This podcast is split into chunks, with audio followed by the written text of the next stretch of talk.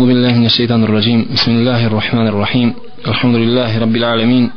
والصلاة والسلام على رسول الله وعلى آله وصحبه وسلم تسليما كثيرا. وأشهد أن لا إله إلا الله وحده لا شريك له. وأشهد أن محمدا عبده ورسوله. أرسله الله بالحق بشيرا ونذيرا لينذر من كان حيا ويحق القول على الكافرين. أما بعد يا أيها الناس اتقوا ربكم الذي خلقكم من نفس واحدة وخلق منها زوجها وبث منهما رجالا كثيرا ونساء واتقوا الله الذي تساءلون به والأرحام إن الله كان عليكم رقيبا يا أيها الذين آمنوا اتقوا الله حق تقاته ولا تموتن إلا وأنتم مسلمون أما بعد فإن أصدق الحديث كتاب الله وخير الهدي هدي محمد صلى الله عليه وسلم وشر الأمور محدثاتها وكل محدثة بدعة وكل بدعة ضلالة أما بعد poštovani slušalci Assalamu alaikum wa rahmatullahi wa barakatuh Rekao je pisac knjige o tevhidu da mu se uzvišni Allah jalla še'nu smiluje Babu ma jae fi sihr Poglavlje koje govori o sihru. Kažu islamski učenjaci po pitanju sihra i njegove definicije da sihr u etimološkom odnosno jezičkom značenju znači da je sihr u arapskom jeziku sve ono čiji uzrok je skriven ili nepoznat odnosno da se njegova radnja dešava u tajnosti odnosno da mu je radnja izuzetno prikrivena i skrivena zbog ovoga nazvan je sehur u Ramazanu kada se ljudi pripremaju za post i kada se sehure nazvana je od ove riječi sehurom zbog toga što tada ljudi ljudima dolazi vrijeme sehura polagano i tajnovito u zadnjoj trećini noći. A što se tiče šerijaskog značenja sihra ono se može promatrati kroz dva načina njegova.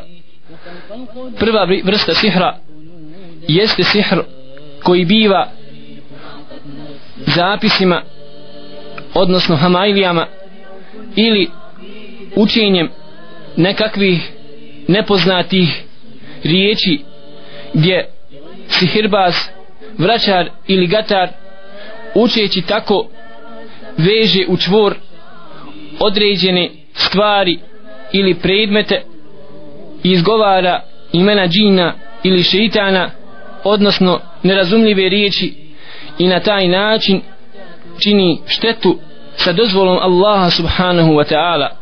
Jer treba čovjek vjernik i vjernica da zna da ne mogu naštetiti nikome osim sa dozvolom Allaha subhanahu wa ta'ala kako kaže uzvišeni Allah jalla še'nu وما هم بضارين به من أحد إلا بإذن الله Oni nikome nisu mogli naštetiti osim sa dozvolom Allaha subhanahu wa ta'ala. Dok druga vrsta sihra biva na način da sihirbaz, vraćar ili gatar spremi odnosno pripremi sihr na određenim prašcima ili lijekovima i na taj način čovjek unoseći u sebe taj napitak učini mu se sihr i onda ovaj sihr ima uticaj na njegov razum na njegovu dušu pa čak i na njegovo tijelo. Od tuda kažu islamski učenjaci da sihr može proizvesti bolest i da može uticati na tijelo do te mjere da može ubiti čovjeka sa dozvolom Allaha subhanahu wa ta'ala. Uglavnom ova druga vrsta sihra biva upotrebljavana u slučaju kada se hirbaz hoće da razvede čovjeka od žene, žene ženu od čovjeka. Ova vrsta sihra biva upotrebljavana upotrebljena onda kada hoće recimo da čovjeka privoli njegovoj ženi ili da učini muža pokornim njegovoj suprugi, supruzi tako da postane potlačen i ponižen da sluša sve njene naredbe odnosno da se kloni njenih zabrana. Shodno ovome draga braćo i sestre treba da znamo da sihr njegovo učenje ili podučavanje nekoga drugome drugoga sihru treba čovjek da zna da on biva nekada širkom a nekada velikim grijehom. Biva širkom biva kufrom Allahu subhanahu wa ta'ala u slučaju ako čovjek upotrijebi džinna ili šeitana u spravljanju sihra. Dok kako kažu islamski učenjaci ako to bude nabačen sihr bez upotrebe džinna ili šeitana onda biva velikim grijehom prema Allahu subhanahu wa ta'ala. Shodno ovome razišli se islamski učenjaci po pitanju da li sihirbaz da li vraćar ili gatar koji pravi sihr biva um, nevjernikom odnosno da izađe iz Allahove subhanahu wa ta'ala vjeri tako nema sumnje da kažu islamski učenjaci da ova osoba biva nevjernikom u Allaha subhanahu wa ta'ala. Zbog toga što je uzvišeni Allah jalla še'nu jasno u Kur'anu u suri Al-Baqara obavijestio da je sihr kufr Allahu subhanahu wa ta'ala kako kaže Allah jalla še'nu واتبعوا ما تتلو الشياطين على ملك سليمان وما كفر سليمان ولكن الشياطين كفروا يعلمون الناس السحر وما أنزل على الملكين ببابل هاروت وماروت وما يعلمان من أحد حتى يقولا إنما نحن فتنة فلا تكفر. Gdje uzvišeni Allah žele še'nu obavještava o onima koji su slijedili ono što su šeitani govorili o vlasti Sulejmana alaihi salam. I Allah čisti Sulejmana od potvora koji su šeitani iznijeli na Sulejmana i kaže da nije Sulejman ni u kom slučaju učinio kufr Allahu nego da su šeitani učinili kufr zbog čega? Pogledajte draga braći i sestre učinili su kufr ju allimuna nasa sihr. Zbog toga što su podučavali zbog toga što su podučavali ljude sihru i na taj način Allah je jasno rekao da su šitani učinili kufr Allahu subhanahu wa ta'ala. I ovako i ovako govorili su i dva meleka koja su došla kao iskušenje dva meleka koja su došla kao iskušenje u Babilon Harut i Marut gdje su govorili ljudima nakon što bi ih podučili sihru innama nahnu fitnetum fela tekfur. Mi smo fitna mi smo iskušenje preko koga Allah subhanahu wa ta'ala iskušava ljude zato nemojte biti nevjernici nemojte učiniti kufr Allahu subhanahu wa ta'ala. Iz ova dva mjesta u ovome kuranskom ajetu jasno uzvišeni Allah govori i objašnjava da podučavanje sihru ili učenje i naučavanje njegovo jeste jasan kufr nevjerstvo koje čovjeka potpuno izvodi iz vjere Allaha subhanahu wa ta'ala. A što se tiče draga braćo i sestre sihra koji biva vještinom ili brzinom određenih pokreta kao što često puta možemo vidjeti kod mađioničara kažu islamski učenjaci ako to bude zbog vještine i spretnosti čovjekovih ruku bez upotrebljavanja džinna i šitana da to nije kufr Allahu dželle šenu ali da biva velikim grijehom jer je njegov čin zasnovan na prevari i obmani ljudi odnosno njihovih očiju. Od dokaza draga braćo i sestre koji upućuju da se hirbaz izlazi iz vjere jesu i riječi Allaha subhanahu wa ta'ala وَلَقَدْ عَلِمُوا لَمَنِ اشْتَرَاهُ مَا لَهُ فِي الْآخِرَةِ مِنْ خَلَاقَ Oni su znali da onaj koji bude upotrijebio sihr da nema nikakvog udjela na ahiretu. Kaže Hasan al Basri lejse lehu din on sihirbaz nema apsolutno vjere na sudnjem danu što znači da će doći bez vjere bez islama pred Allaha subhanahu wa ta'ala na sudnji dan. Sada se postavlja pitanje zbog čega je pisac knjige o tevhidu spomenuo baš poglavlje o sihru u ovoj knjizi koja govori o tevhidu Allahu subhanahu wa ta'ala o jednoći Allahu jalla še'nu. Kažu islamski učenjaci komentatori knjige tevhida da je pisac spomenuo zbog toga zbog toga što sihr u većini slučajeva biva preko šeitana preko džina odnosno ne može sihr, sihirbaz učiniti sihr osim nakon što počini širk i kufr Allahu subhanahu wa ta'ala. I da je to tako potvrđuje na prvom mjestu kako što smo vidjeli Kur'an knjiga Allaha subhanahu wa ta'ala zatim i sunnet Allahu poslanika sallallahu alaihi wa sallam ali isto tako draga braćo i sestre mnogi ispovijesti sihirbaza vraćara ili gatara koji su se pokajali Allahu subhanahu wa ta'ala gdje jasno iz njihovi ispovijesti nakon što su se pokajali Allahu gdje su ispričali svoje događaje i svoje doživljaje odnosno dijela koja su činili da bi im šeitan odnosno džin učinio uslugu i unabacio odnosno učinio neki sihr jasno upućuje iz njihovih riječi i njihovi ispovijesti da nisu mogli uraditi sihr da nisu mogli nekome naštetiti osim tek nakon što bi stupili u kontakt sa džinima odnosno šeitanima odnosno nakon što bi počinili jasan kufr jasan širk Allahu subhanahu wa ta'ala.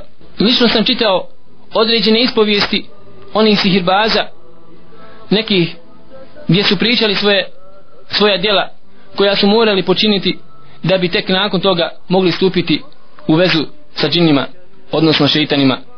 Tako grupa njih spominje da su morali doći u džemat.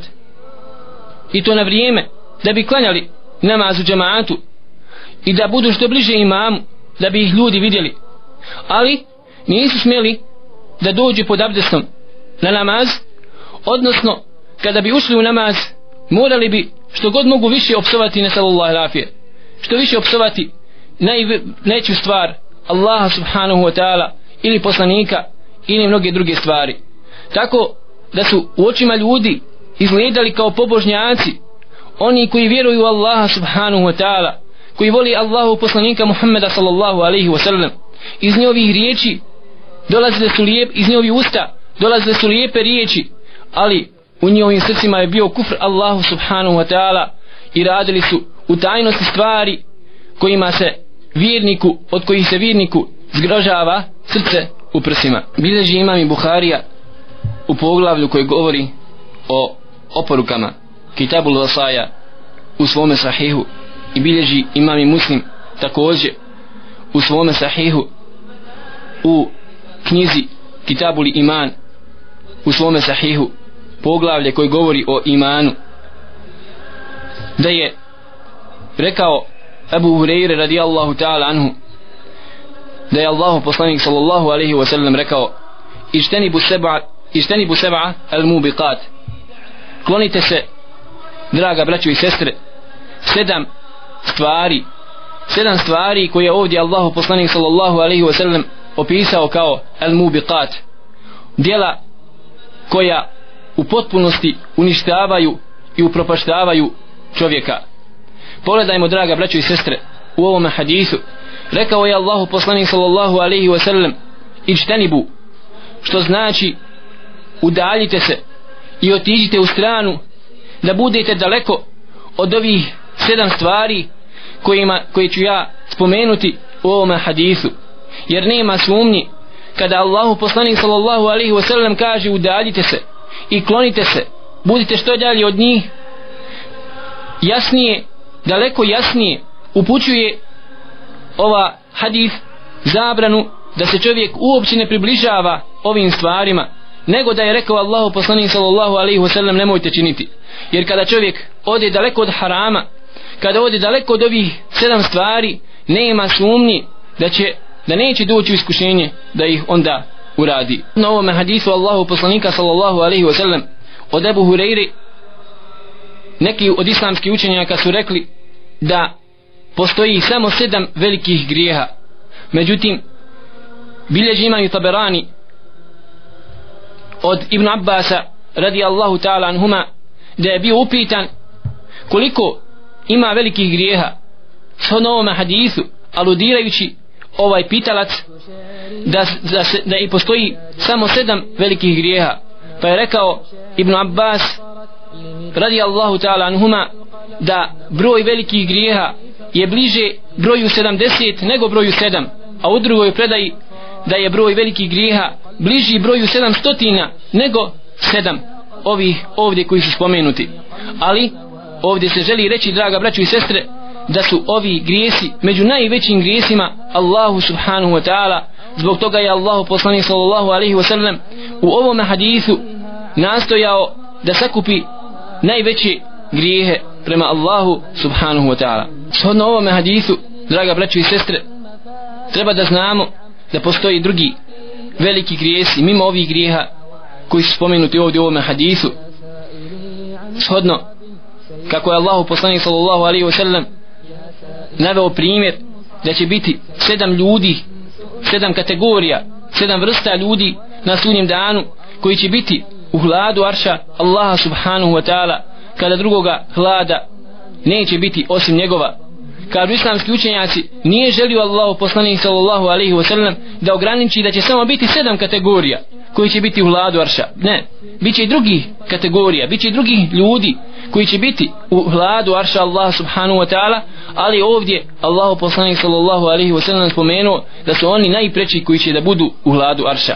Tako i ovdje u ovom hadisu koji je sa nama večeras koga komentarišemo treba da znamo da nije da nisu veliki grijesi ograničeni sa brojem sedam nego da oni su daleko veći. Pa kada su čuli ashabi Allahu poslanika Muhammeda sallallahu alaihi wa sallam klonite se, bježite u stranu udaljite se od sedam velikih grijeha koji, čovjek, koji čovjeka vode u propast.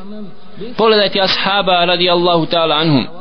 Pogledajte ashaba Allahu poslanika Muhammeda sallallahu alaihi wa sallam koji su bili i tekako željni da saznaju koji su to grijesi. Pa su pitali قالوا يا رسول الله وما hun o Allahu poslaniće pogledajte edeba pogledajte ahlaka pogledajte poštovanja ashaba prema Allahom poslaniku Muhammedu sallallahu alaihi wa sallam. O Allahu poslaniće koji su to grijesi? Pa je rekao Allahu poslanik sallallahu alaihi wa sallam na prvom mjestu aširku billah širk Allahu subhanahu wa ta'ala.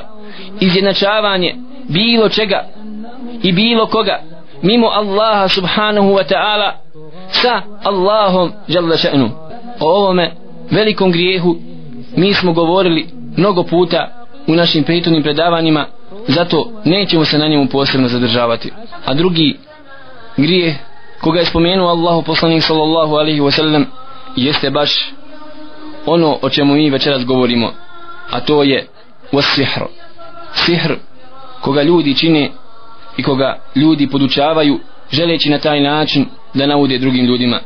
Jeste draga braćo i sestre kako i ne bi bio spomenut u kontekstu zajedno sa širkom Allahu subhanahu wa ta'ala ovaj opak i veliki grijeh jer koliko je rastavljenih brakova koliko je rastavljenih porodica koliko je proplakanih večeri od strane žena za svojim supru, supruzima koliko je belaja nanešeno putem sihra. Pa ako čovjek samo ovu stvar skonta ako čovjek samo malo bolje razmisli koliko je trema unešeno u kuće muslimana i muslimanki zbog zavidnosti komšija i komšinki zbog toga što su vidjeli da njegov, njihove komšije bolje žive ili da imaju miran dom da imaju mirnu kuću da imaju lijepu familiju i porodicu. I onda šta je rješenje? Otići sihirbazu otići vraćaru, otići gataru i uzeti hamajliju ili uzeti određenu tvar tekućinu ili napitak i ubaciti na takav način podnetnuti zapis ispod praga ili na neko drugo mjesto i nauditi svome komši. I kako i ne bi bio kufr Allahu subhanahu wa ta'ala ovako djelo. Jer pogledajte koliki belaj koliki nered koliki fesa čovjek čini sihrom u odnosu na ostale ljude.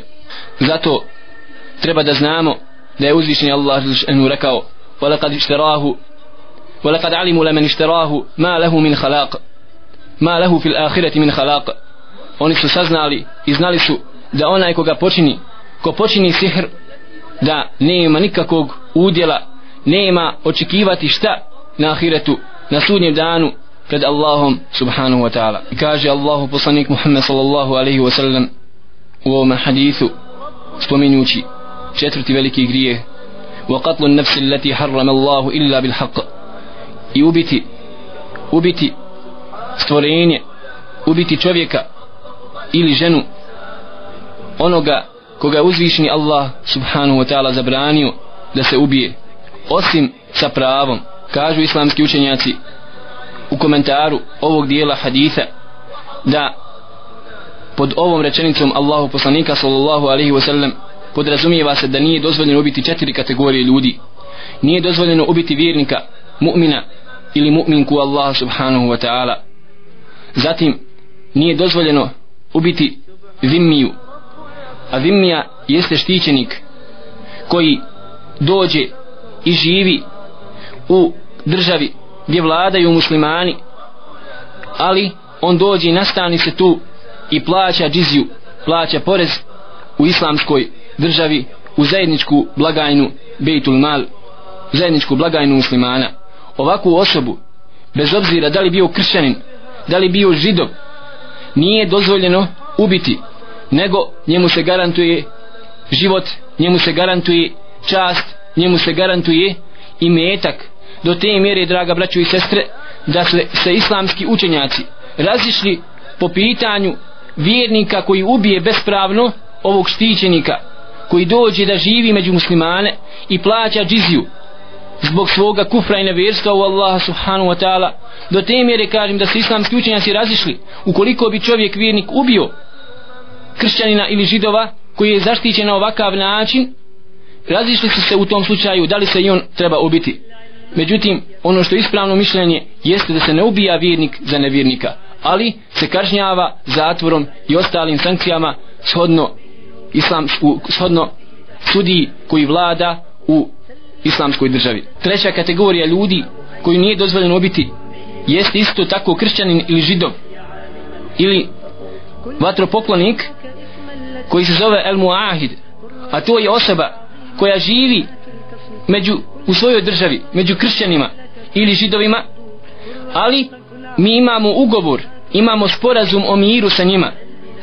Tako da ukoliko bi on došao na našu teritoriju ako imamo ugovor jer u islamu draga braćo i sestre jeste ugovor svet nije ga dozvoljeno prekršiti tako da nema problema ako bi on došao na teritoriju koju kontrolišu muslimani u tom slučaju njemu islam garantuje njegovu čast i njegov metak i njegov život. I četvrta kategorija ljudi jesu oni koji su nazvani al musta'min to je osoba nevjernik, kršćanin ili židov koji živi na teritoriji koja je u borbi u momentu određenom vremenskom periodu sa muslimanima. Međutim ukoliko bi zatražio utočište kod muslimana da dođe radi trgovine recimo ili da radi pregovaranja sa muslimanima. Ili da se upozna u Allahu subhanahu wa ta'ala vjeri. Pa da uđe u Allahu u vjeru. Da uđe u islam. U tom slučaju nije dozvoljeno ukoliko muslimani garantuju sigurnost i daju mu utočište u svojoj državi nije dozvoljeno draga braću i sestre da mu se bilo šta učini nažao zato kaže الله سبحانه وتعالى وإن أحد من المشركين استجارك فأجره حتى يسمع كلام الله ثم أبلغه المأمنة لكاج أزلشني الله وصنيك محمد صلى الله عليه وسلم أكون أكود مشركة دوجي إذا تراجي أتبه أتوششت إذا تراجي أتبه زاشتتو bez obzira što si u borbi protiv mušrika ti mu daj utočište da čuje Allahov govor da čuje što kaže Allah što kaže Allahov poslanik da se pozna sa Allahovom vjerom da se pozna sa Islamom i onda ponovo ga vrati sigurnog na njegovu teritoriju nakon što je čuo o Allahu subhanu wa ta'ala vjeri. Vrati ga sigurnog na njegovu teritoriju. A što se tiče draga braćo i sestre onih koji uzvišni Allah subhanu wa ta'ala dozvolio da se ubiju među muslimanima jesu oni koji počine blud ali su oženjeni ili udati. Jer čovjek oženjen ili žena udata koja počini blud treba da zna da je uzvišni Allah subhanahu wa ta'ala odredio smrt. Da je Allah subhanahu wa ta'ala odredio smrt kamenovanjem. Ili čovjek koji ubije drugog čovjeka namjerno pazite ne nahotice nego namjerno sa predumišljajem Allah subhanahu wa ta'ala odredio kisas u kome je život za vjernike gdje je spas čovječanstvu da se smrtna kazna izvrši nad onime nad onom osobom koja je ubila namjerno namjerno onu drugu osobu bespravno. I ovo je život ovo je sigurnost na ovakav način u islamskoj državi gdje kada čovjek zna da ako ubije namjerno sa predumišljajem ako zna da će biti on sam ubijen u tom slučaju u tom slučaju draga braćo i sestre neće neće učiniti ovako gnusa, gnusno djelo. Takođe osobu koju je dozvoljeno ubiti jeste osoba koja je ostavila Allahu subhanahu wa ta'ala vjeru nakon što je ušla u nju nesilom. Onda Allahov sud Allahov zakon jeste da se ta osoba poznata kao murted otpadnik od Allahove subhanahu wa ta'ala vjeri ubije nakon što biva pozvan ponovo u Allahu vjeru da se pokaje pa ako ne bude se pokajao onda mu slijedi smrtna kazna. Međutim draga braćo i sestre treba da znamo treba da znamo da izvršenje općenito kazni općenito kazni bilo smrtne ili neke druge krivične u islamu je regulisano na taj način da to država rješava da to vladar u islamskoj državi rješava odnosno sudovi kad je koji imaju vlast koji imaju vojsku policiju iza sebe. A nijekom slučaju da to rade pojedinci jer u tom slučaju u tom slučaju nastao bi opći haos. I Allahu poslanik Muhammed sallallahu alaihi wa sallam je nastavio u ovom hadisu od sedam dijela koji čovjeku propoštavaju i bacaju ga u propast jeste jedenje kamate u aklu riba. Jeste draga braćo i sestre jer s kojim pravom s kojim pravom da čovjek uzme kamatu? S kojim pravom da ti ja dadnem da ti ja dam stotinu maraka a za mjesec ili dva ili tri mjeseca tražim od tebe stotinu deset ili stotinu pedeset? S kojim pravom?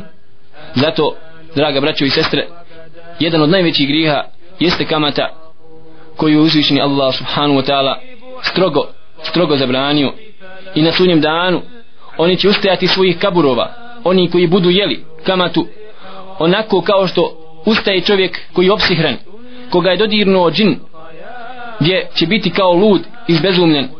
A neki komentatori Kur'ana spominju u komentaru Kur'anskog ajeta i sure Bekare da će uzvišni Allah subhanahu wa ta'ala dati onome koje je evo kamatu dati sablju u ruke i bit će mu rečeno hajde bori se protiv Allah subhanahu wa ta'ala jer onaj koji se bavi kamatom ovdje na dunjalu ko on je objavio rat Allahu i poslaniku pa shodno tome na sudnjem danu bit će nagrađen shodno svome dijelu na dunjaluku. Pa ti koji se objavio rat Allahu i poslaniku sallallahu alaihi wasallam na sudnjem danu bit će ti data sablja da vidiš da vidiš kako se boriti protiv Allaha subhanahu wa ta'ala. A nema sumnje zamislite kakav će ishod biti.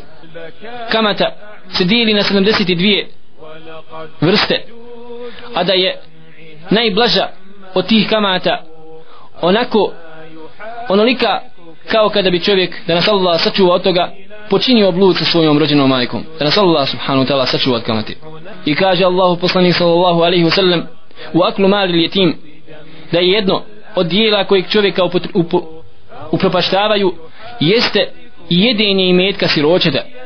Jer treba da znaš dragi brate i sestro ti kome uzvišni Allah subhanahu wa ta'ala dao priliku da sebi zaradi džennet odgajajući jetima treba da vodiš računa o imetku njegovom i da ga ne trošiš za svoje svrhe. Osim gdje kažu islamski učinjaci da ukoliko čovjek staratelj brini o jetimu da mu je dozvoljeno da uzme naknadu iz imetka jetima određenu naknadu kao recimo određenu svotu novca mjesečno zbog toga što ga on što o njemu recimo vodi računa i na taj način da uzme samo onoliko koliko mu je potrebno. U ostalom sluč, u ostalim slučajevima kažu islamski učenjaci obaveza staratelja obaveza onoga kome je dato povjerenje da vodi računa o jetimu da vodi računa o siročetu obaveza njegova je da uloži njegov imetak kako mu je Allah subhanu wa ta'ala ostavio nakon smrti babi. Da uloži njegov imetak u određenu trgovinu gdje mu preovladava mišljenje da će moći zaraditi jetim, da obrne njegov novac i da na taj način zaradi za jetima. I naravno sva zarada pripaja se i metku samog siročeta. I kaže Allahu poslanik sallallahu alaihi wa sallam وَتَوَلِّ يَوْمَ i da čovjek pobjegne sa bojnog polja kada se sukobi sa nevjernicima sa Allahovim neprijateljima da pobjegne sa bojnog polja to je jedan od velikih grijeha i od dijela kojih čovjeka bacaju u propast. Zato treba da znaš dragi brate nije dozvoljeno da bježiš sa bojnog polja. Kažu islamski učenjaci da nije dozvoljeno da čovjek bježi sa bojnog polja osim u dva slučaja. Jedan od njih jeste da čovjek skreni sa da se povuče ciljem taktike odnosno da bi sa druge strane prišao neprijatelju da ga iznenadi ili u tom smislu da to bude taktička varka. I drugi slučaj kažu islamski učenjaci da čovjeku je dozvoljeno da se povuče i pobjegne iz bojnog polja u slučaju da se pripoji drugoj grupi na taj način da se izvuče recimo od svoje grupe koja je opkoljena na nekome brdu ili na određenoj koti pa da bi se povukao sa brda i pripojio se drugoj jedinici ili drugoj grupi muslimana obavijestivši ih šta se desilo sa njegovom braćom koja se ostala zarobljena odnosno opkoljena. Ali pod uslovom kažu islamski učenjaci da njegovo povlačenje u tom slučaju bude da njegovo povlačenje neće oslabiti muslimane. Međutim ukoliko će njegovo povlačenje oslabiti narušiti moral ili oslabiti s nekog drugog aspekta materijalnog ili tehničkog u tom slučaju nije mu dozvoljeno da se povuče nego mora da se bori dok ne bude poginuo na taj način uzdižući Allahu subhanu wa ta'ala vjeru. Jer bježanje sa bojnog polja jeste poniženje za Allahu vjeru jeste poniženje za muslimana zato musliman ne smije da bude ponižen ni u kom slučaju. Kažu islamski učenjaci u komentaru kuranskog ajeta koga uzvišnji Allah subhanahu wa ta'ala spomenuo u suri Al-Anfal خفف الله عنكم وعلم ankum wa ضعفا. annak fikum وتعالى Allah subhanahu wa ta'ala je da ste slabi i sad vam je dao olakšanje. Ukoliko bude duplo nevjernika više pazite draga braćo i sestre u određenoj borbi u određenoj akciji duplo više u tom slučaju dozvoljeno je muslimanima da se povuku. Ali ako to nije takav slučaj nijekom slučaju nije to dozvoljeno. I kaže Allahu poslanik sallallahu alaihi wa sallam wa qadfu muhsanati al-ghafilat i potvora potvora čestitih vjernica vjernice koji su gafletu od toga totalnom nemaru nikad im ni na um nije palo da bi mogle počiniti blud i neko dođe i potvori ih da su one počinile blud.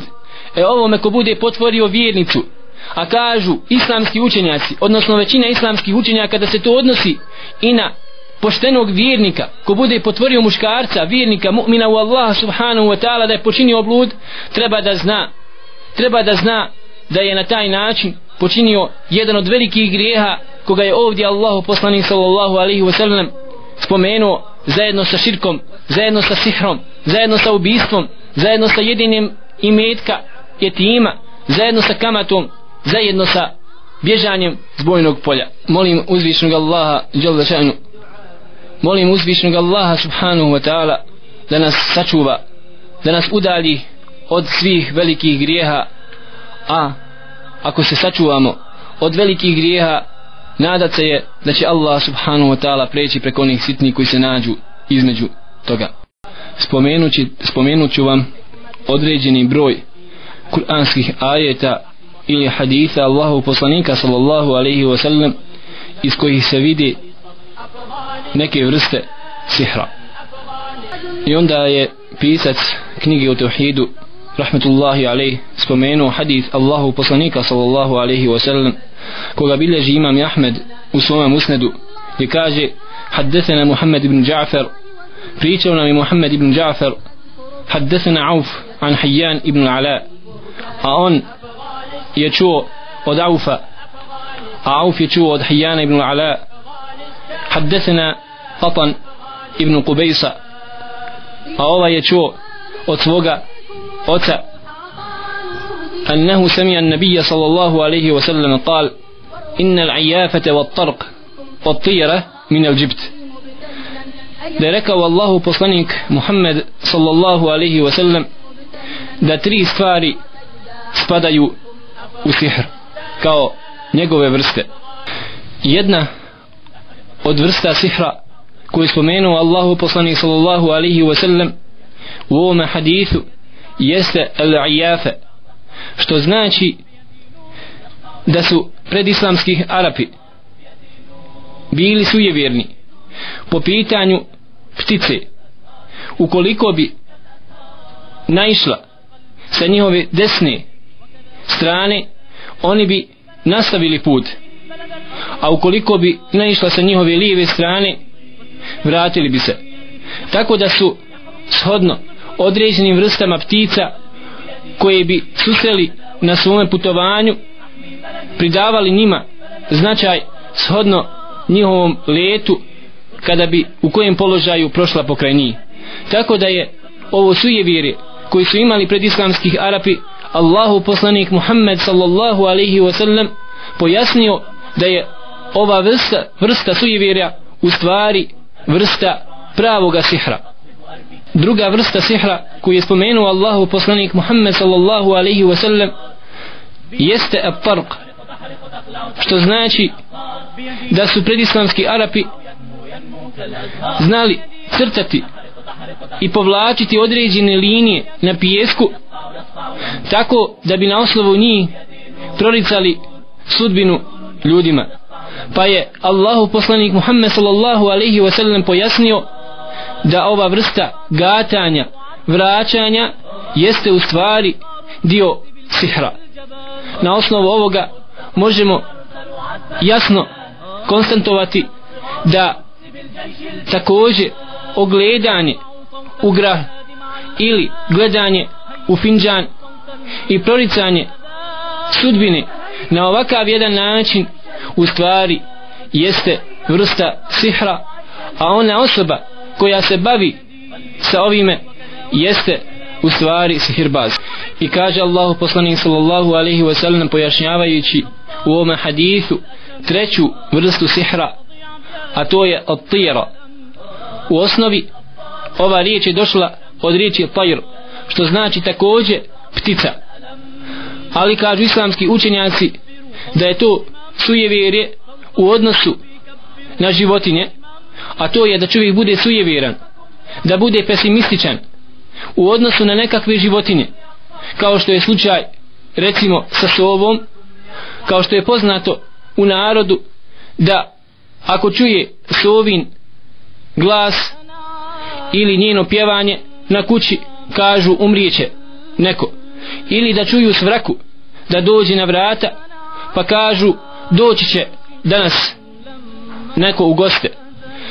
Ili neke druge vrste životinja kao recimo da mačka crna crna mačka da pređe preko puta pa da to bude znak da će se nešto njemu na tom putu ili u toku toga dana ružno desiti također kažu islamski učenjaci da u ovu stvar pod ovom riječu spada i pesimizam odnosno sujevjerje u odnosu na vrijeme a to je da čovjek bude sujevjeran na određene dane tako da ne voli recimo 13. dan u mjesecu kao što je to poznat kod poznata stvar na zapadu ili recimo da smatra i vjeruje da petkom nije dozvoljeno prati veš. Ili da smatra da nije dozvoljeno recimo sklopiti brak između dva bajrama ili u mjesecu šavualu i mnoge druge vrste pesimizma odnosno sujevira. Draga braću i sestri gdje nigde ne imate osnovi u Kur'anu niti u sunnetu Allahu poslanika sallallahu alaihi wasallam da je to da to ima svoju potvrdu. Tako da je Allahu poslanik sallallahu alaihi wa sallam jasno rekao da ovo jeste u stvari vrsta sihra.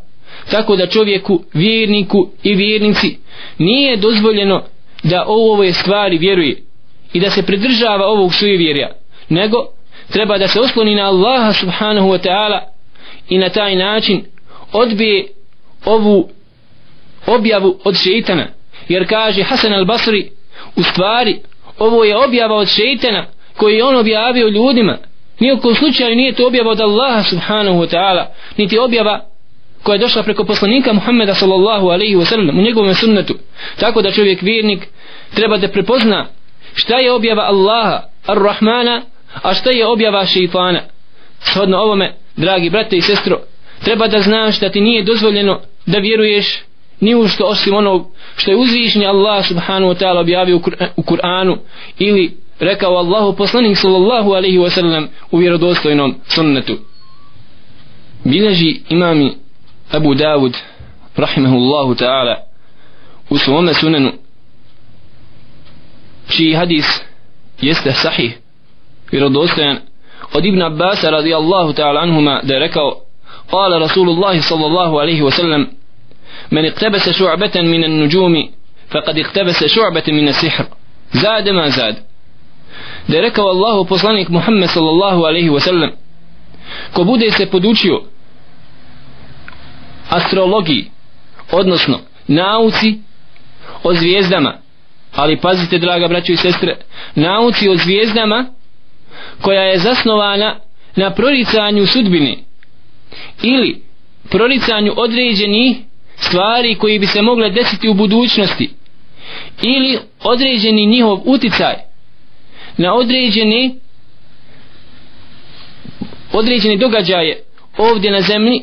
Pa kaže Allahu poslanik sallallahu alaihi wasallam ko se na ovakav način bude bavio astrologijom nema sumnji da koliko bude uzeo od ove nauke toliko je u stvari podučio se samome sihru. Zada ma zad shodno. Koliko bude posjedovao znanja iz astrologije toliko u stvari on je sebe podučio sihru. Tako dragi brati i sestro treba da znaš kada uzmeš nekak, nekakvi časopis i u kojem vidiš horoskop da ti proliči sudbinu shodno tvome mjesecu rođenja odnosno određenom znaku u kojem si ti rođen. Treba da znaš da to nije ni u kom slučaju dozvoljeno. Da to u stvari jeste strogo zabranjeno u šerijatu jer islam vjeruje da nema ama baš nikakve veze uticaj zvijezda na sudbinu čovjeka. Nije u kom slučaju da zvijezde imaju uticaj na određene pojave čak i u prirodi do te mjere da ama baš nemaju planete niti zvijezde. Uticanje na samo spuštanje kiše. Jer imamo hadis pogledajte Allahu poslanika Muhammeda sallallahu alaihi wasallam od Zaid ibn Khalida radi Allahu ta'ala anhu koji kaže salla lana rasulullahi sallallahu alaihi wasallam salata subh bil hudejbije da je Allahu poslanik Muhammed sallallahu alaihi wasallam klanjao sabah namaz na hudejbiji sa ashabima a to veće je padala kiša. Ala isli samai kanet min al-lejl min al-lejl falamma insaraf aqbala ala nas faqal.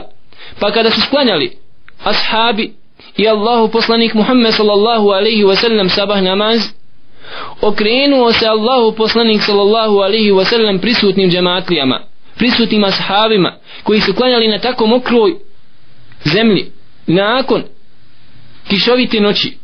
Faqal هل تدرون ماذا قال rabbukum? Znate li vi što je rekao vaš gospodar? Pa su ashabi iz ahlaka iz finog morala iz finog edeba prema Allahom poslaniku sallallahu alaihi wasallam rekli kalu Allahu wa rasuluhu a'lam. Allah i الله ورسوله أعلم الله إنه بسلني كيف يزنيو قال قال أصبح من عبادي مؤمن بي rekao uzvišni Allah subhanahu wa ta'ala te noći osvanio je određeni broj mojih robova vjernika u mene. Ali osvanuo je i određeni broj mojih robova nevjernika u mene. Pogledajte draga braćo i sestre.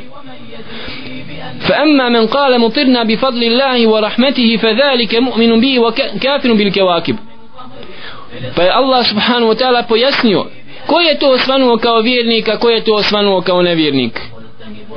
Ko bude rekao koji je rekao da ko je rekao od njegovih robova kiša je pala zbog Allaha subhanahu wa ta'ala iz njegove dobrote i iz njegove milosti prema njegovim robovima fadhalika mu'minun bi kafirun bil kawkab taj čovjek je vjernik u mene ali je nevjernik u zvijezde.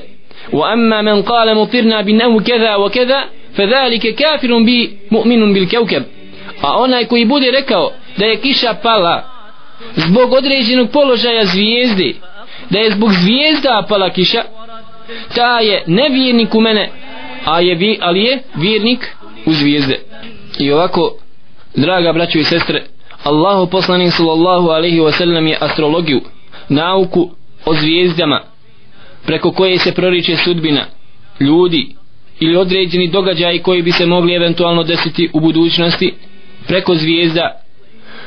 Nazvao je jasno da je to nauka od sihra. A poznato da je uzvišni Allah subhanahu wa ta'ala rekao wala yuflihu sahiru haythu ata. Da neće biti spašen sihirbaz vraćar. Zato dragi brate i sestro vodi računa vodi računa o svom vjerovanju jer treba da znaš da su islamski učenjaci jasno rekli da onaj ko bude vjerovao da određene zvijezde ili planete mogu jasno djelovati i uticati na određene pojave u kosmosu poput padanja kiše ili da utiču na sudbinu ljudi. Kažu islamski učenjaci jasno da je to širk u tevhidu rububijetu u tevhidu Allahu subhanahu wa ta'ala prije nego u tevhidu luluhije jer to znači da ima neko drugo stvorenje da ima neko od stvorenja Allah subhanahu wa ta'ala ko se izjednačava sa Allahom še'nu po pitanju sudbine. A mi znamo da je izjednačiti nekoga mimo Allaha sa Allahom bilo u, u sudbini ili u ibadetu ili u drugim nekakvim značenjima poput vjerovanja da neko može dati smrt ili oživiti tako u tom smislu jeste u stvari izjednačavanje stvorenja sa Allahom subhanahu wa ta'ala i to je u stvari širk Allahu jalla še'nu. Bileži imam in nasai u svome sunanu hadith od Ebu Hureyri radijallahu ta'ala anhu da je rekao Allahu poslanik Muhammed sallallahu alaihi wa sallam pojašnjavajući i objašnjavajući svome ummetu jednu od vrsta sihra. Kako se ona čini da bi se njegov ummet znao ukloniti. Men aqada uqdatan thumma nafasa fiha faqad sahar wa man sahar faqad ashrak. Wa man ta'allaqa shay'an ukila ilayh di kaže Allahu poslanik Muhammed sallallahu alaihi wa sallam ko bude svezao čvor zatim bude puhnuo puhnuo ovdje puhanje u arapskom jeziku znači nefes puhanje sa malo pljubački zatim bude znači puhnu na ovakav način u čvor koji je svezao on je na taj način napravio sihr. ومن سحر فقد أشرك أكو بودي أجيني وسحر أني أجيني وشرك الله سبحانه وتعالى ومن تعلق شيئا وكل إليه bude بودي na sebe nekakvu hamajliju onda bit će prepušten od strani Allaha subhanahu wa ta'ala onome što je svezao na sebe. Draga braćo i sestre jasno vidi da ovakav način pravljenja sihra jeste u stvari dio i vrsta sihra.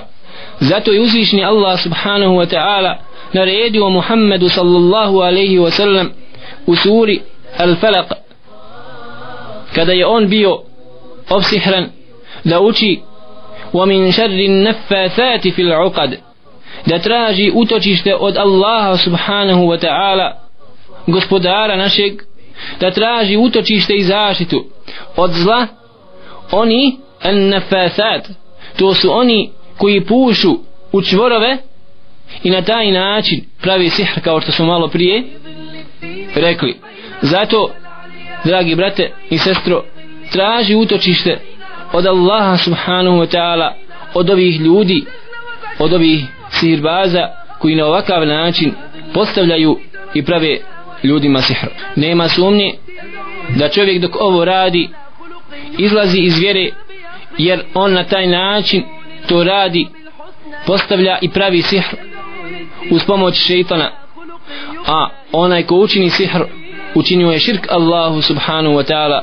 Dijelo koje Allah subhanahu wa ta'ala neće oprostiti na sudnjem danu. Zato obaveza na onome ko bude ovu stvar uradio je da se pokaje Allahu jalla še'nu prije nego što mu duša dođe u grlo. A s druge strane Allahu poslanik sallallahu alaihi wa sallam je obavijestio svoj ummet po pitanju nošenja hamailija u ovome hadithu da se paze jer ومن تعلق شيئا وكل إليه يركو بودي نسبة بريفيزة ونكاكا بكونشيج إلي نكو هما عيليو بيرو يجد تيغا أونا زاشتيتي تربا دزنا دغا الله سبحانه وتعالى prepusti samome sebi.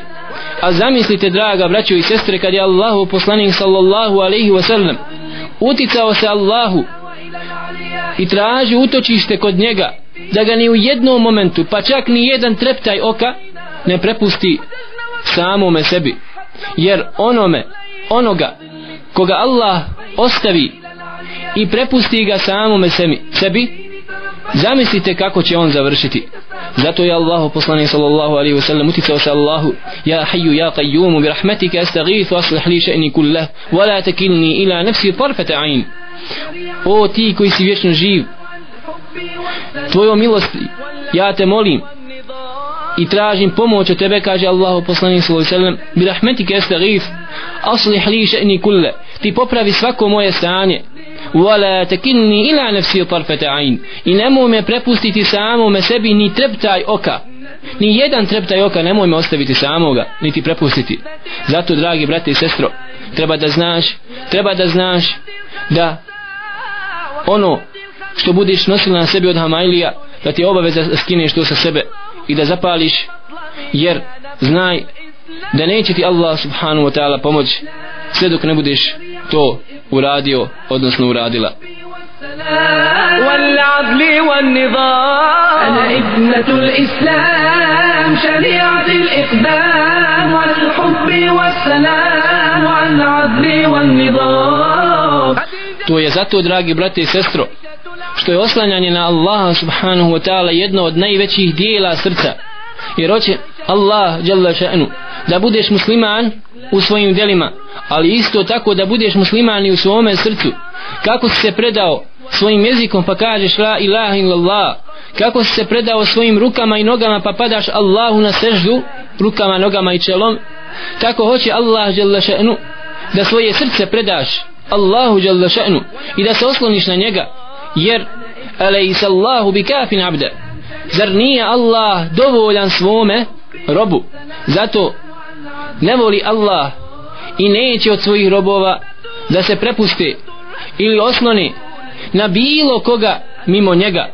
Zato nemoj nemoj se slanjati ni nekog drugog osim na Allaha subhanahu wa ta'ala gospodara nebesa i zemlje gospodara svega što postoji.